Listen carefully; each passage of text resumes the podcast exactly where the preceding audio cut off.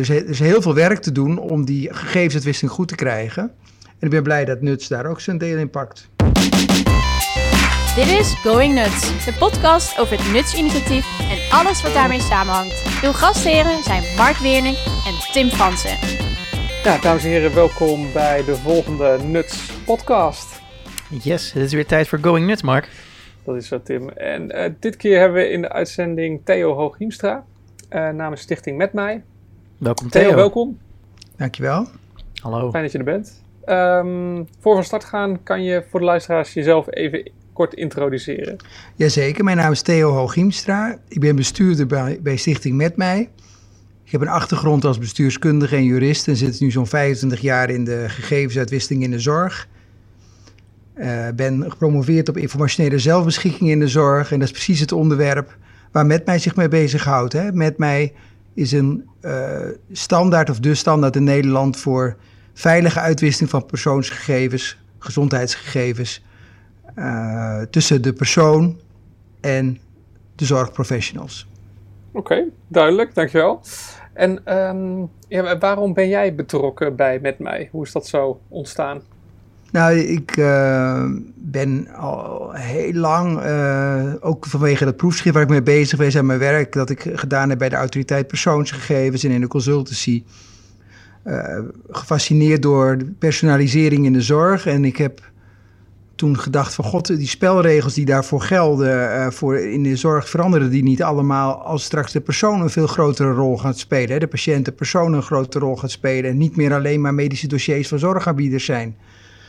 En uh, nou, ik heb aanbevolen in mijn proefschrift destijds dat er zoiets als een persoonlijk gezondheidsdossier, gezondheidsomgeving zou moeten komen en dat er goede spelregels voor zouden moeten komen. Nou, toen ik daarmee klaar was, toen vroegen ze bij Stichting Met mij, uh, die moest nog opgericht worden, zeiden ze van, goh, zou je niet willen kandideren als uh, bestuurslid, want ja, het is jouw vak. Ja, grappig. En zo ben ik, ben ik expertbestuurder geworden daar. Ja, ze hebben je eigenlijk gevraagd op basis van je proefschrift dus. Ja, je zeggen. Ik was ook wel betrokken als jurist, uh, als voorzitter van uh, de werkgroep die uh, de juridische standaarden voor uh, met mij heeft gemaakt. Dus, en toen was ik ook al bezig met het proefschrift. Het, voor mij was het ook iets wat ik uit mezelf kwam. Iets heel persoonlijks. En ik ben hier heel erg mee bezig. Dus het, het is ook wel waar ik veel passie voor heb. Maar goed. En um, ja, je deed het net al een klein beetje in je eigen voorstelstuk. maar kan je misschien heel kort misschien in twee zinnen vertellen wat met mij ook alweer is? Ja, ik doe het even heel kort en dan gaan we straks wat uitgebreider op in. Hè? Ja, maar als je heel kort zegt, dan zou je kunnen zeggen dat het de Nederlandse standaard is om veilig gezondheidsgegevens uit te wisselen tussen de persoon, een individu, en gezondheidsprofessionals, zorgprofessionals. Dat is in de kern met mij. Oké, Mooi, dat is inderdaad uh, kort en duidelijk. Misschien om daar te beginnen, wat, uh, waar staat Met Mij nu? Wat is, de, wat is de stand van zaken? Met Mij is gestart als programma in 2016. En omdat het zeg maar niet meer een, programma bleef, maar dat het echt een blijvertje is, zeg maar, is er een stichting van gemaakt in, 2000, in begin 2019. En, en die, wij als stichtingsbestuur kunnen ook labels zeg maar, goedkeuren van de partijen die zeg maar uh, menen dat ze of als, als PGO inderdaad, hè, of als, uh, als DVZA, dat is een dienstverlener zorgaanbieder, een beetje ingewikkeld iets, hè, maar dat is, dat is de verbindingsschakel zeg maar namens de zorgaanbieder, kunnen ze zeg maar uh, bij Met Mij kunnen ze een label krijgen als ze aan eisen voldoen, zeg maar. Hè? En dan mm -hmm. kunnen ze aangesloten worden. en voldoen ze aan die eisen en dan kunnen ze met elkaar uitwisselen. Dat is zeg maar waar. En we hebben op dit moment zijn we zover dat we iets van 30 PGO's hebben die, uh, die, uh, die, die uh, dat label hebben ontvangen en vier DVZA's.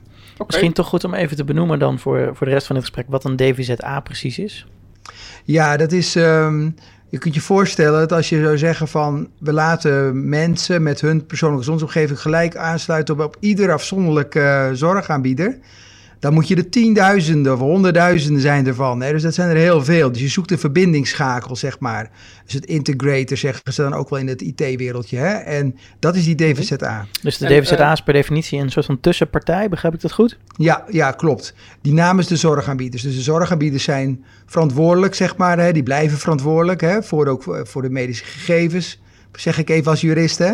Mhm. Maar ja, je, dat, het, het gaat niet werken als je met al die tienduizenden eh, verbindingen moet leggen. Dus je hebt een tussenpartij nodig. En dat is die DVZA. Dus dat is de verantwoordelijkheid voor de zorgaanbieder om dat te regelen. Pre- precies. En die besteedt het als het ware uit. Je zei het is eigenlijk de Nederlandse standaard. Eh nou, we zijn vanuit het Nutsinitiatief zijn we ook bezig met eh, van alles en nog wat, maar ook met Ja. technologie. Ehm, hebben jullie dat ook? Hè? Hebben jullie als met mij ook technologie die leveranciers kunnen gebruiken of die zorginstellingen kunnen gebruiken? Nee, Het is eh, denk ik een, eh, een verschil tussen. eh, Dus er zijn ook heel veel overeenkomsten hè, tussen eh, Nuts en met mij. Ik heb er ook nog eens extra in verdiept, natuurlijk, gelet op dit gesprek. Maar ik Ja, wist al heel wel een beetje. En ik heb ook gezien dat Nuts eh, voor jullie initiatief zeg maar, ook goed hebben gekeken naar wat met mij allemaal al heeft ont, ontwikkeld aan standaarden, zeg maar, aan spelregels. Maar dus eh, Nuts is echt een infrastructuur, zeg maar. Hè. Jullie hebben ook echt een infrastructuur. Met, met mij heeft dat niet. Dat is zeg maar een setje afspraken. Het is geen infrastructuurding. Het is niet een eigen technologie. We hebben dus in feite, we hebben, we hebben om tot die veilige uitwisseling te komen, spelregels opgesteld. En daar kunnen we, en, en een systeem waarbij je dan daarop voor gekwalificeerd kan worden, zodat andere partijen ook weten dat je aan al die spelregels voldoet. Maar we hebben geen eigen infrastructuur. Dus eigenlijk zou je kunnen zeggen, Nut zou prima eh, ook, eh, ook voor kunnen gaan om, eh, om onder een- voor een met mij label kunnen gaan bijvoorbeeld. Ja, we zijn dus in die zin, ja, past het gewoon mooi, mooi in elkaar. De focus van met mij ligt heel erg op die persoon, zeg maar. Hè? Terwijl als ik nuts goed heb begrepen, ligt de focus veel meer van begin af aan op de, op de overdracht van gegevens tussen zorgprofessionals. En natuurlijk komt op een gegeven moment de persoon daar ook wel om de hoek. Ja, ja, dat is wel grappig dat je dat zegt. Ehm, in beginsel zegt Nuts niks over wie dan de doelgroep is en, en welke partij met welke partij mag uitwisselen. Mhm. Maar het klopt wel wat je zegt. En, en eigenlijk komt dat ook doordat er al van alles gebeurt bij, bij Met Mij. Eh, Mhm. Er zijn natuurlijk meerdere partijen die ons ook gevraagd hebben: goh, kunnen we ook niet gegevens wi- uitwisselen met de patiënt via Nuts? En dan zeggen we ja, dat kan, dat kan misschien wel. Maar eh, als je dat doet volgens onze spelregels, is dat niet automatisch ook volgens de Met Mij spelregels. Dus we hebben dat. Nee, je zou ervoor kunnen kiezen om dat uiteindelijk wel te doen. Dan, dat- wat ik net al zei, Ja. dan word je zeg, onderdeel van. Maar ik kan me voorstellen dat je ook je focus kiest. Hè? En eh, kijk, het mooie, we zijn allebei, eh hè, Nuts en Met, we zijn allebei bezig om, om die gegevensuitwisseling in de zorg veel beter te maken. En iedereen heeft een wat ander vertrekpunt. En misschien dat we op, eh, op termijn weer helemaal bij elkaar komen. Maar ik denk dat we elkaar vooral moeten versterken. Dus er is heel veel werk te doen om die gegevensuitwisseling goed te krijgen. En ik ben blij dat Nuts daar ook zijn deel in pakt. Nou, dat is heel Mooi. fijn om te horen. Ja. Theo, we volgens mij was het vorig jaar, eh, denk ik, dat we bericht kregen dat eh, het beheer van Met mij zou worden omgebracht bij VZVZ. Ehm, en vroeg ons eigenlijk af, wa- wat, betekent dat dan eigenlijk? En waar, waar zit dan de knip tussen wat jullie als stichting doen bijvoorbeeld en wat VZVZ dan doet? Ja, dat is een goede eh, vraag. Je kunt je dus eh, voorstellen, we hadden eerst dus een... eh, waarom kwam dat vorig jaar? Dat kwam dat was een programma met mij. En dat deed eigenlijk alles. en, maar ook daar speelde Nictus en VZVZ natuurlijk wel een rol. Maar op een gegeven moment gezegd van nou... eh, er moet een stichting komen die het echt het, het, ja, het, het strategische beheer doet. En die ook de verantwoordelijkheid kan dragen voor die labels. Hè. En vervolgens hebben we die, eh, het beheer zeg maar, uitbesteed aan twee partijen. Ik noemde dus net twee, dus niet alleen VZVZ. Nictis voor bij- informatiestandaarden. En er hoort ook ontwikkeling bij natuurlijk. Hè. Dat, dat Mhm. staat staat nooit helemaal stil. En VZVZ. En eh, meer voor de technische standaarden en de, de, de veiligheid. En ehm, dus zo, is zo is zeg maar de taakverdeling. En zeg maar, je zou kunnen zeggen, als je een onderscheid maakt tussen strategisch, tactisch en operationeel, dan zou je kunnen zeggen dat het tactisch-operationele deel van het beheer, zeg maar, wat moet er nu gebeuren, zeg maar, ligt bij, eh, zeker in technisch historisch zin, bij eh, VZVZ. Dat besteden we aan hen uit, maar de grote lijnen, de strategische lijnen, eh, die liggen bij de stichting. En wij zijn ook eindverantwoordelijk, zeg maar. Wij geven gewoon een opdracht aan, VZVZ. Je moet dat ook niet dubbel doen. Zij hebben de mensen die dat goed kunnen. Je hebt beheerorganisaties. Bij de overheid heb je ook logius bijvoorbeeld. Hè. Je hebt, dat soort clubs heb je. En dat is VZVZ ook. En we zijn blij dat we ze hebben. En we hebben een, een onderlinge taakverdeling. Dat de een de verantwoordelijkheid voor het geheel draagt en voor de strategie. En de ander de uitvoering doet. Ja, dus in zekere Ja. zin zijn ze een soort van onderaannemer van jullie. Ja, klopt. Ja. En, maar wat doen zij dan precies? Want in het begin van het gesprek zei je, wij, eh, met mij doet, eh, heeft zelf geen technologie. En Mhm. ja, wij zijn natuurlijk techies, hè? dus als je het dan over beheren hebt, dan denk ik wel, ja, iemand moet zorgen dat die server blijft zoomen en zo. Ja, ja, bijvoorbeeld. leuk. Ja. Ja, dat is best een hele goede help- vraag. Want help- dat leidt tot heel veel misverstanden. Ja. Ja, precies. kan je dat Nee, dus je moet je eigenlijk, moet je, maar het is ook nog een heleboel werk om dat papier te beheren. Oh, oké. ja, Dat zou je niet denken misschien, maar het is wel zo. En dan moet je ook wel, en dan moet je ook voor dingen voor uittesten. Maar er komen ook al die leveranciers, kijk, we zijn een level playing field voor al die leveranciers, hè? Mhm. Degene die er zijn en degene die erbij komen. Dat moet, die, moeten door, de- die moeten die kwalificaties doorlopen, maar die moeten, er moet ook gekeken worden van, goh, hoe, hoe, hoe zorg je nou dat, dat die, eh, ja, die, die, al die releases, zeg maar, die je bij zo'n afsprakenstelsel hebt, die moeten worden voorbereid. En dat bereiden zij voor. Dus in die zin doen ze ook een klein beetje een ontwikkeling, want ja, het wereld staat niet stil. precies. Ja, oké. Nee, maar dat maakt het voor mij al een heel stuk duidelijk in ieder geval. Wij eh, vroegen ons wel af, Theo, ehm, waar, waar gaat met mij naartoe? Want nou, je, zoals je net al vertelde, op dit moment is, is met mij vooral het inzien van de eigen gegevens door de patiënt bij de zorgverlener. Mhm. Ehm, maar we waren wel nieuwsgierig van eh, wat zijn. Je had het net al even over zeg maar, de stip aan de horizon die je dan als stichting moet uitzetten. Wat, wat is wat jou betreft waar, eh, waar met mij naartoe gaat? Wat, wat ja, we kunnen we hebben een over visie, vijf eh, jaar? We hebben een visie aangegeven. Ja, we hebben hem over drie jaar eh, hebben hem neergezet. Vorig jaar zijn we het gedaan. En natuurlijk moet je altijd openstaan voor nieuwe ontwikkelingen, wat ik al zei. Hè, zoals we dat natuurlijk ook met corona hebben. Maar die Mhm. grote lijnen blijven wel aardig staan. En die zijn ook ingegeven naar gewoon qua realiteit. Wat je voor stappen je überhaupt moet doorlopen om bij die stip op de horizon te komen. Die stip op de horizon is dat, dat mensen echt hun regie over hun eigen gegevens kunnen hebben.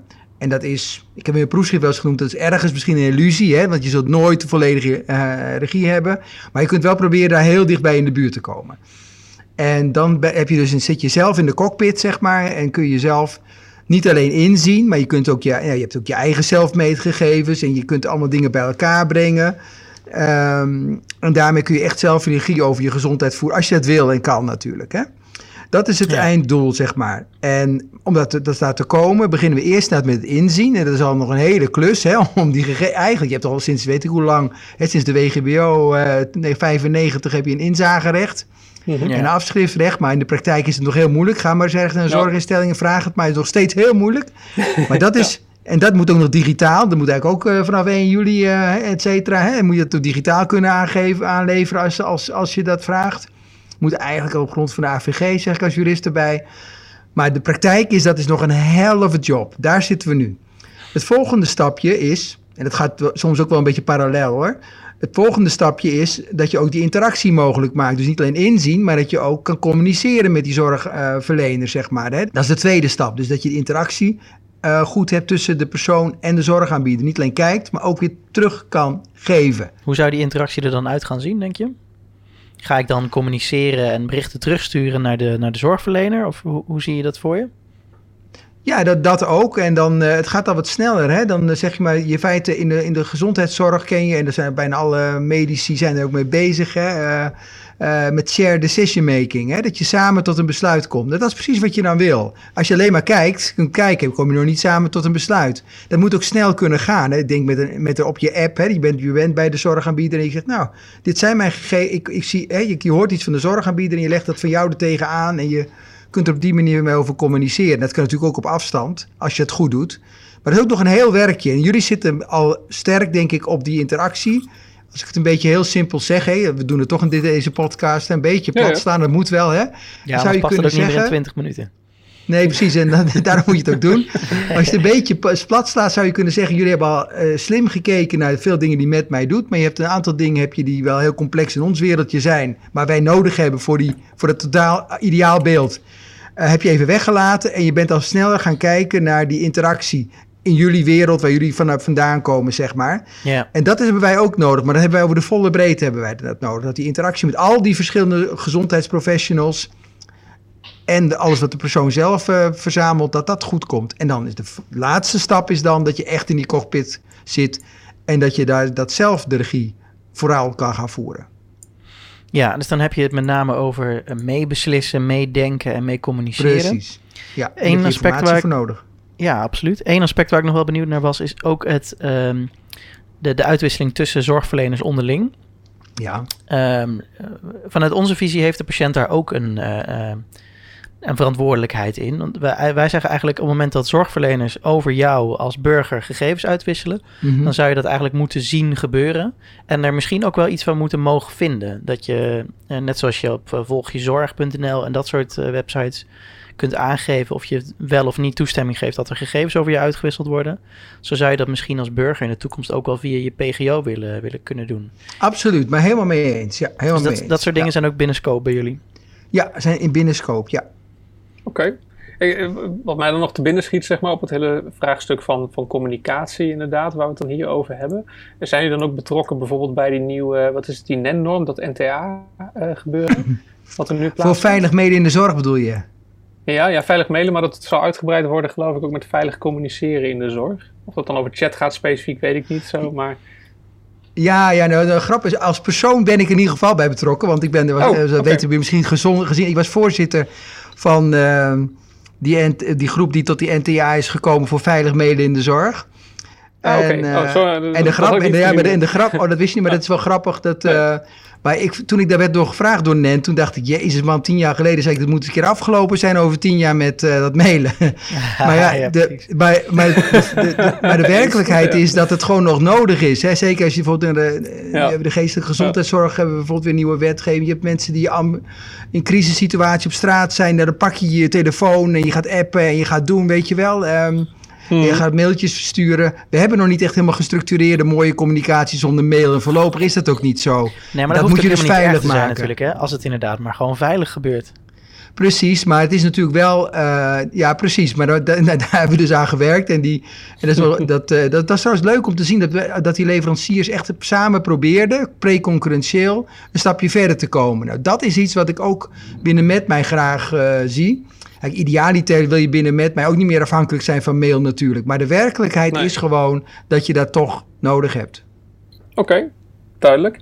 Wij kregen onlangs mee dat eh, de DigiD-eis voor MetMij gewijzigd is naar een WDO-erkend middel. Hè, om burgers met voldoende zekerheid te identificeren. Ja. Ehm, en vroeg ons af, waarom was eigenlijk DigiD een eis? En, en moet het überhaupt wel een erkend overheidsmiddel zijn om mensen te identificeren? Dat was dan weer eh, iets wat me bij Nuts opvalt. Dat jullie daar niet, niet eh, eh, gebruik van maken. Terwijl in de zorg natuurlijk veel met DigiD ehm, wordt gewerkt. Het is misschien ook wat verschil tussen cure care wereldje natuurlijk. Hè? Maar eh, je hebt... eh, Ja, is dat Eh. zo ook dan? Want ook zelfs in de Cure vraag ik me af hoeveel mensen het met DigiD werken. ja, nou bijna alle ziekenhuizen die werken wel met DigiD hoor. Dus dat is... ehm, Ja?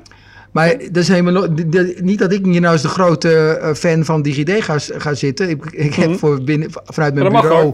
hè, want ik, heb, ik, ben, ik heb natuurlijk ook nog een adviseur, consultant en ik heb mijn eigen bureau. En we hebben een advies gemaakt voor eh, het geïntegreerd EED-stelsel eh, voor Binnenlandse Zaken. En, eh, en ik zit er al heel lang in. Ik ben ook nog toezichthouder op het hele ETD-stelsel. Kijk, nu bij de wet digitale overheid, die er nu, eh, ja, die, het wetsvoorstel nou naar als het goed is, het begin van het jaar echt een wet is geworden.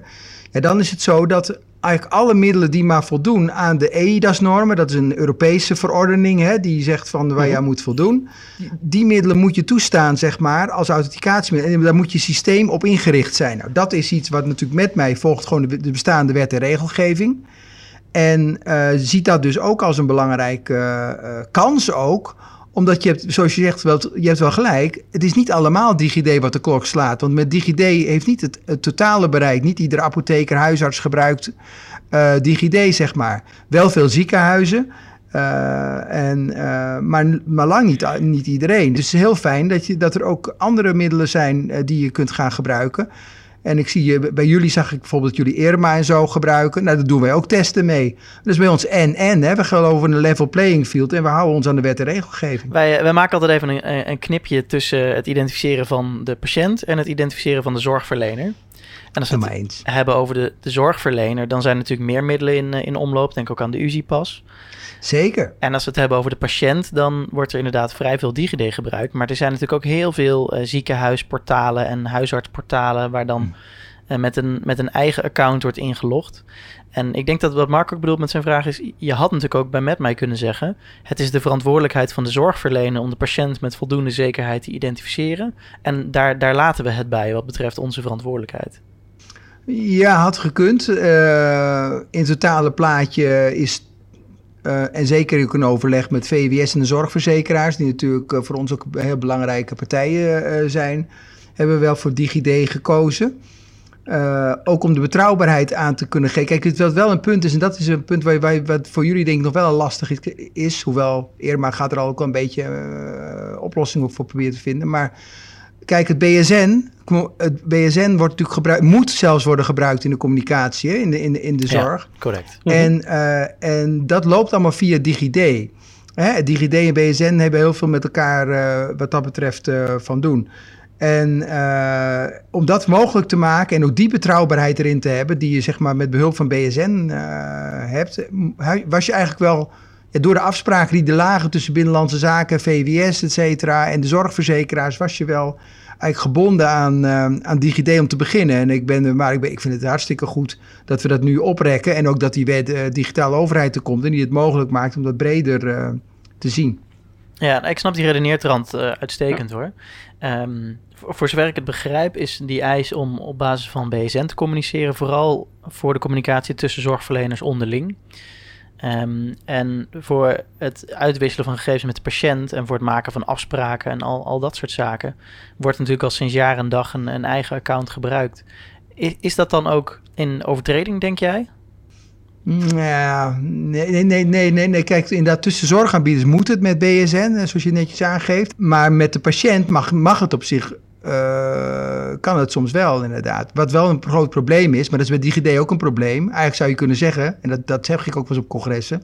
Ze zijn allemaal een overtreding.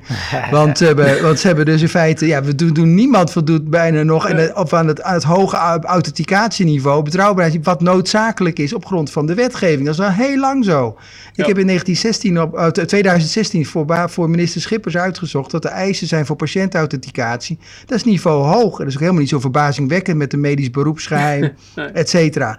Ja. En en de minister heeft gezegd, nou ik hoop dat ze over drie jaar zover zijn. Nou, we zijn nu vier jaar verder en we zijn er nog steeds niet. Hè? Nee. En dat, die wet digitale overheid vereist dat ook. Dus wij eigenlijk, ook DigiD, ja, daar kun je ook op een hoog niveau niet komen. Maar de praktijk is, we zitten op een laag niveau ermee. Hè? Dus, uh, ja, iedereen, of, midden, hoe heet het? midden soms, hè, als je sms en zo, nog wat dan die dingen allemaal gebruikt. En het goed, maar dat is allemaal nog heel substantieel noemen ze dat, ja. Maar dat is, maar eigenlijk voldoet niemand aan de spelregels. Dus we lopen echt hopeloos achter met die patiëntauthenticatie. Ja, ja, zeker. Is, is dat nou ook een van de redenen waarom jullie vanuit met mij ook naar, naar Irma bijvoorbeeld kijken? Ja, maar die doet het niet per se beter, hè, nog. uh, maar we kijken er wel naar, natuurlijk. En uh, het is ook een decentrale oplossing waar je naar kijkt. Er zijn meer decentrale oplossingen voor authenticatie natuurlijk, hè. Wij, wij, wij moeten natuurlijk vanuit de level playing field geen enkele partij bevoorrechten. Maar het is heel interessante de technologie en manier van denken natuurlijk. Hè. Er zijn interessante pilots, dus uh, we zijn vernieuwend ingesteld. Dus we kijken daar graag naar. Het versterken van persoonsgegevens bij Irma verloopt nu natuurlijk ook via DigiD. Dus in die zin doen ze het inderdaad niet beter. Dat, uh, daar heb je helemaal gelijk in. Maar ik ben wel, wel benieuwd wat de toekomst gaat brengen op dat vlak. Want ik, ik kan me bijvoorbeeld heel goed voorstellen dat je een Bali-proces inricht waarbij de gebruiker een, uh, een, uh, een attribuut geeft. En of dat nou in de Irma-app is, of in een Sovereign-app, of in een DigiD-app, dat maakt eigenlijk niet zo heel veel uit volgens mij. Maar de, de waarde zit hem dan in het Bali-proces en in het kunnen bewijzen dat je als gebruiker bent wie je bent. Ja, maar uiteindelijk ga je die dingen uit elkaar trekken natuurlijk. Uh, uh, en ik denk dat een hele grote slag moet worden gemaakt. Eigenlijk staan we al 15 tot 20 jaar stil op dit onderwerp. En uh, in 1999 waren er al plannen voor een elektronische nationale identiteitskaart, zodat je op het allerhoogste niveau kon, kon, he, gegevens mm uit kon wisselen. Dat is toen uiteindelijk allemaal niet doorgegaan. En sindsdien staan we nog op hetzelfde niveau. En er zijn heel veel partijen, ook in het buitenland, die dat wel kunnen. En ook Nederlandse partijen. Dus uh, ik denk dat, dat, uh, dat we hier een enorme inhaalslag gaan maken. Ja, ik ben ook heel benieuwd wat, wat de toekomst gaat brengen wat dat betreft. En wat misschien wel even een mooi bruggetje is ook naar, naar ons volgende onderwerp wat we graag met jou willen behandelen. Want ik begrijp van een aantal leveranciers om me heen dat ze ook met name die DigiD-eis bijvoorbeeld, dat ze dat wel een, een, lastige eis vinden om te implementeren. En het, het, vervolgthema waar ik het met je over wilde hebben is eigenlijk waarom zit er nog zoveel, uh, zoveel wrijving om leveranciers overtuigd te krijgen om zo'n zo'n DVZA-rol op te pakken? Nou ja, wat ik al zei, van uh, wij hebben, zijn, na, zijn nagegaan van welke voorwaarden noodzakelijk zijn om echt die, uh, tot een veilige communicatie te kunnen komen tussen personen en, en gezondheidsprofessionals. En daar horen bepaalde eisen bij. Ook eisen bij, zeg maar, die eigenlijk al sinds jaren en dag... waar je eigenlijk aan zou moeten voldoen als je naar wet en regelgeving kijkt. Hè. We hebben de wet en regelgeving, ook die bestaat gewoon, hebben we tot uitgangspunt genomen. En dan moet je ook, voor de NEN 7510, dus een beveiligingsnorm... Ja, dat moet ook, dat is niet alleen een NN-norm, maar dat is ook gewoon een besluit waarin staat dat je eraan moet houden toch is de zorg nog zo lastig georganiseerd en zo weinig aandacht nog gehad ook voor echt goede gegevensbescherming. Het heeft dus toch, toch een beetje een, een, een, niet de eerste prioriteit, de hoogste urgentie. Ja. Dat uh, de bestaande systemen, daar zit je een beetje mee. Wij zitten in de vernieuwing, we zitten in die paradigma shift. Hè? Wij gaan naar die andere kant toe, maar in de bestaande systemen lopen nog zo hopeloos achter. Dat hoort ook bij zo'n traject als wat wij doen. Daarom heb je ook die steun natuurlijk van de verzekeraars en de overheid en dergelijke nodig. Dat is niet de vrije marktding aan zich. Je wilt het beter doen. Je investeert in veiligere communicatie. Maar dat is natuurlijk altijd irritant. Want je moet daar wel een eisen gaan voldoen. En, uh, en je moet vernieuwen en je moet uh, dingen aanpassen. En dat leidt natuurlijk tot wrijven. Want het zijn ook weer kosten. Je kunt ook wel weer geld krijgen natuurlijk. Op een gegeven moment, als het allemaal goed gaat. En als je eenmaal al die labels hebt en je hebt die VIP-programma's en weet ik allemaal niet wat. Hè, maar uh, de, je moet voor, van tevoren investeren. En uh, dat is denk ik uh, een belangrijk wrijvingspunt. Het is nooit leuk als je dingen allemaal, dat je heel veel inspanningen moet, moet verrichten. Nee, dat, dat denk ik ook zeker, ja. Maar dat, dat probleem zie je bij PGO's volgens mij niet tot nog toe. Maar die hebben het veel makkelijker wat dat betreft. Hè? Want die hebben, die, die hebben een, een soort greenfield. Hè? Die beginnen gewoon, ja, gewoon, dat bestond nog niet.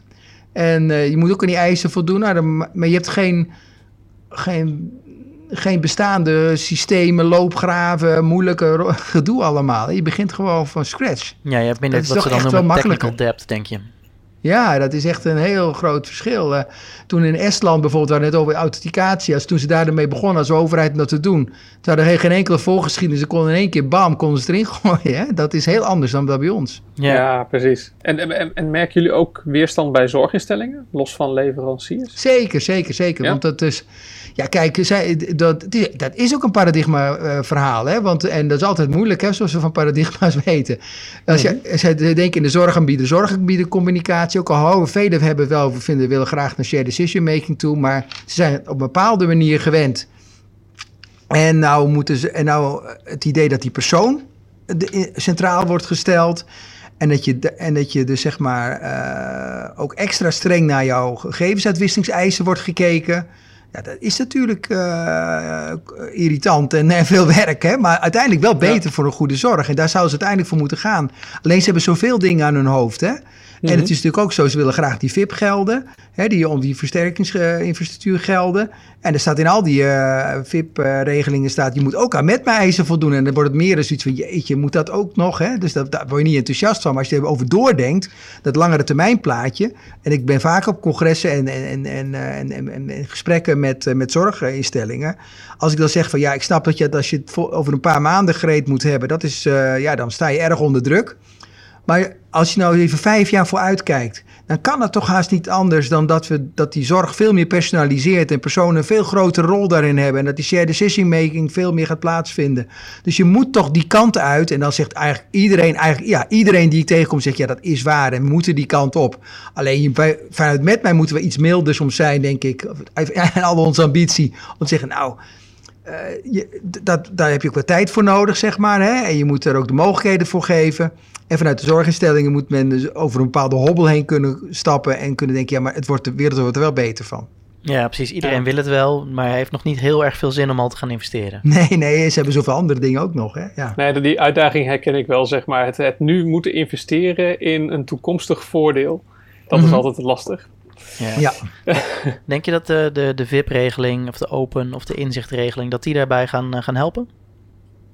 Ja, uiteindelijk wel natuurlijk. En uh, ja, dan zie je het ook een spel. Hè? Dan ga je dan ook zeggen, ja, maar kan dat dan niet een beetje later? Hè? Dan is dat gezegd, met mij moet je dan dan en dan aan voldoen. Zeg nou, maar dat halen we toch niet? Dat is allemaal heel moeilijk. En nu met corona is het natuurlijk helemaal een goede, goed argument. Kun je zeggen, ja, nou, zoveel doen. Ja, dit, Ja, we zijn hè? nu even te druk. kan het, niet wat ma- kan het niet wat maanden later? En dat, Ja. dat gaat natuurlijk gebeuren. Dus het, maar uiteindelijk helpt het natuurlijk wel. Want ook al stel je het een beetje uit... uiteindelijk... Je krijgt die VIP-gelden niet als je niet aan die met mijn standaarden voldoet. Voor ons is dat dus een enorme stimulans. Nee, we zijn een beetje ongeduldig. Want we denken, oh, dat kan soms wel nog 1, 2, 3 jaar duren. Maar het gaat gebeuren. Ik ben heel benieuwd. Maar Ik hoop Mooi. ook dat het, eh, dat het een, een mooi duwtje in de goede richting geeft. Ja, dankjewel. ja, laten we ervoor zorgen. Wat, ehm, eh, we hebben het in het begin al even over gehad, Theo. En je had het al even over het nutsinitiatief. Ehm, je hebt blijkbaar wat ingelezen. Ja. Eh, ik ben eigenlijk wel benieuwd. Wat, wat weet je nu over het nutsinitiatief en wat vind je er eigenlijk van? Ik zie dat Nuts, eh want JC heeft ook spelregels natuurlijk opgesteld. Hè, eh, voor, en, en daar is goed gekeken naar met mij. En de- een aantal lastige dingen, zoals met dat DigiD en NEN 7510 en nog wat van die dingen, die zitten er niet in. Maar er zit wel weer een meer focus wel op die zorgaanbieder, zorgaanbieder eh, communicatie, zeg maar. Hè, en eh, die overdracht. Jullie hebben wel technologie, zeg maar. Jullie zijn een, een, een, eh, infrastructuur en wij zijn een afsprakenstelsel. En beide, zeg maar, zijn we er om die gegevensuitwisseling in de zorg beter te maken. En ik denk helemaal, als je het toch over een stip op de horizon hebt, uiteindelijk kunnen we heel goed naar elkaar toe groeien, denk ik. Zijn er wat jou betreft ook nog obstakels dan daarvoor? Of zijn er nog zaken waar je het niet mee eens bent? Nou, kijk, een punt is dat eh, is natuurlijk eh, de moeilijke dingen rond interoperabiliteit hebben we het al over gehad. Hè? Dus we hebben het over eh, DigiD en we hebben het over, over NEN en norm en dat soort dingen gehad. Hoewel je dus ook ontwikkelingen ziet. Want DigiD is ook niet het, het alles zaligmakend. En ik, wij zijn ook heel geïnteresseerd in ERMA en ook een heleboel andere methoden, zeg maar. Hè? Waar ook die nieuwe wetgeving op doelt. Eh, Die hebben een bepaalde focus gekozen, zodat je bepaalde punten kunt versnellen. Alleen wij kunnen vanuit ons doel bepaalde moeilijke dingen niet weglaten, zeg maar. Terwijl die best bediscussieerbaar zijn, zeg maar, hè, eh, eh, voor jullie doelen. En ik, ik weet ook, wij weet, ik ben natuurlijk van begin af aan bij hierbij betrokken, hoe moeilijk het is. Dus ik Ja. weet ook hoe moeilijk, ik zie wat jullie doen ook helemaal niet makkelijk is. Dus ik denk eerder dat we elkaar moeten helpen dan, eh, dan dat we dan zeg maar eh, moeten beginnen bij de dingen die we van elkaar misschien wat verschillend vinden of waar we wat anders in staan. Ik denk dat we veel meer overeenkomsten hebben dan verschillen. Ja, ik zit te denken, misschien wel een beetje een gemeen vraagje. Maar stel nou dat Oh, het mag hoor, ja. er een... ehm, ja, ik vind het wel leuk, want dat, dat- we merken het wel. We komen wel eens tegen die vraag, zeg maar. Dat stel nou dat een, een, een leverancier van een zorginstelling en een PGO-leverancier eh, via nuts op een veilige, prijsvriendelijke manier patiënten zelf toegang geven tot hun eigen gezondheidsdata. Maar ze doen dat niet conform met mij. Wat vind Ja, jij daar dan van? Jammer, hè? dat ze niet... eh, Kijk, het, punt is, kijk, dit...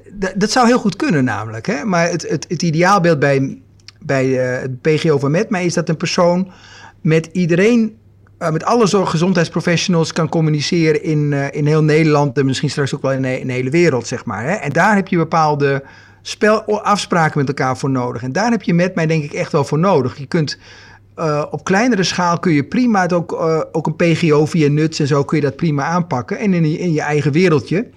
Maar uiteindelijk denk ik dat de stip op de horizon zou moeten zijn dat je voor het grotere geheel gaat. Het grote plaatje, zeg maar, voor eh, en, één standaard die veilige communicatie tussen een persoon en al zijn gezondheidsprofessionals mogelijk maakt. Dat, eh, daar heb je met mij voor nodig. En zo hier en daar kunnen jullie, zou je kunnen versnellen in je eigen omgeving. En dat is op zich wel goed. Ik ben, eh, ben ook nooit zo fel daarop op, op nieuwe initiatieven. Hè, van, eh, als het uiteindelijk maar naar het goede kant uitgroeit. Wat mij opviel is dat, dat er ook partijen zijn die bijvoorbeeld onder de inzichtregeling een, een rechtstreekse koppeling maken met een specifiek PGO. En, en dat noemen ze dan met mij. En daar wordt wel subsidie voor gegeven. En ik weet niet of jij daarnaar op zoek was, Mark, maar ik, ik ben dan wel nieuwsgierig, zeg maar. Eh, we willen versnellen, dus we willen inderdaad standaardiseren wat je zegt, zodat je niet weer al die, eh, die silo's krijgt van eh, ik koppel wel met X, maar niet Precies. met Y. Dat ben Mhm. ik ook helemaal met je eens. Maar ik ben wel benieuwd, waar, waar zit dan de, de grens als we het hebben over wat we willen stimuleren met elkaar, ook met financiële regelingen? Nou ja, goed, daar kun je inderdaad wel een boom over opzetten. Ehm, de subsidieregeling is ook niet in, onder de verantwoordelijkheid van het stichtingbestuur van, eh van Metme, hè, dat doet VWS. Nee, ja. En daar zijn we op zich natuurlijk blij mee, want dat stimuleert de boel. Maar er zitten weer wat andere af, afspelregels aan dan aan Metme zelf. Hè. Dat heb je Mhm. natuurlijk ook. En die hele subsidiewereld is altijd een, eh, een heel gedoe. Ehm, eh, mij gaat het om het lange termijn plaatje. En dan moet je dat geen silo's hebben. En ze nu, ik zie ook wel dat tijdelijke silo's zijn. Je zou kunnen zeggen, er zijn ook, gaat, wordt, zijn ook wel eh, allerlei portalen zijn, worden gestimuleerd. Nou, een portaal is niet, niet echt hetzelfde als een PGO, zoals je het zult begrijpen. Want dat is maar voor Ja. één, één instelling of een, een groepje. Ja, Maar goed, ook daar ben ik wat minder fel in dan, dan veel van mijn anderen. Misschien met mijn mensen, zeg maar. Oké. nou, van, ik denk van nou, ik zie het als tussenstapje. Dan moet je wel achteraan zitten natuurlijk. Wel zeggen, jongens, je bent er gewoon nog niet. Want hier bedien je je, je patiënt, je persoon helemaal niet mee. Je, hebt veel, je moet van die silo's af. Dus als je dit nou even, de tussenstapje even nodig had om, eh, om aan digitalisering te doen, oké. maar weet dat het maar een heel klein tussenstapje is. In het echte werk, dat is de PGO. ja met om mij. te wennen aan het idee misschien ook. Ja, Ja. Ja. Nou ja, je, je zei in het begin ook van, ik zie nog wel een toekomst voor me waarin met mij en nuts naar elkaar toe groeien. ja. De, ik kan daar ook wel ideeën bij, eh, bij verzinnen. Eh, want volgens mij hebben we allemaal geen belang erbij dat we de boel weer opdelen in, eh, in silo's. Nee. Nee, er is al veel te veel gebeurd. En uiteindelijk denk ik dat het, zou ik het wel mooi vinden. Ook al zou ik me kunnen voorstellen dat je er nu nog niet tegelijk eh, behoefte aan hebt. Want dat is voor jullie ook weer een heleboel gedoe. maar dat je ook zegt van nou, ik, we gaan ook eh, onder de met mij vlag eh, opereren. En dat wij van onze kant dan daardoor, daarvoor ook ons gewoon ook meer openstellen. Ook meer, nog meer naar jullie goed luisteren. Wat er dan nodig is. En dat afsprakenstelsel heeft misschien bepaalde onderdelen waarvan je zegt, nou, dat vind ik niet zo geweldig. Nou, niet om de reden dat je het moeilijk vindt, zeg maar, maar omdat je echt inhoudelijk echt goede redenen hebt, zeg maar. Hè, dan zou het heel goed kunnen om daarover met elkaar over te praten, want het is niet statisch. Afsprakenstelsels zijn niet statisch. Het is vaak een misverstand, hè, maar dat is niet zo. En eh, die zijn ook in ontwikkeling. En eh, dan is het ook wel aardig om te zien hoe je op die manier naar elkaar toe kan groeien. Je, je, je hebt een bepaald ideaalbeeld en dat beschrijf je. En hebt een wereld om je heen die ook wel anders is, zeg maar. En voor ons is de, de, metwereldje bijna 100% van de wereld. En voor een ander is het nog niet een half procent. En eh, met ik al zei, iets minder fel. Ik, ik denk dat we wat minder fel moeten, zouden moeten hoeven zijn tegen, tegen initiatieven die niet helemaal conform met mij zijn. Maar juist die proberen we uiteindelijk wel mee te krijgen. Iets pragmatischer, zonder dat je de allerbelangrijkste normen, eh, zeg maar, geweld aan doet. Ik denk die, die veiligheid en die betrouwbaarheid, dat is de kern van met mij. Daar moet je niet op marchanderen. Nou, klinkt als een hele mooie, mooie afsluiting ook. Dan, Dankjewel. eh, mogen we jou heel erg eh, bedanken voor je tijd en eh, de kennis en de informatie die je met ons hebt gedeeld, Theo. Nou ja, wellicht dat we elkaar dus in de toekomst nog wat vaker tegenkomen en we elkaar kunnen versterken. Dat zou heel mooi zijn. Heel mooi. En zeggen tegen Ja, onze luisteraars nog eventjes eh, go nuts. Go Nuts! Dit was Going Nuts. Wil je bijdragen aan deze podcast? Stuur dan een mailtje naar podcast@nuts.nl. Tot de volgende keer.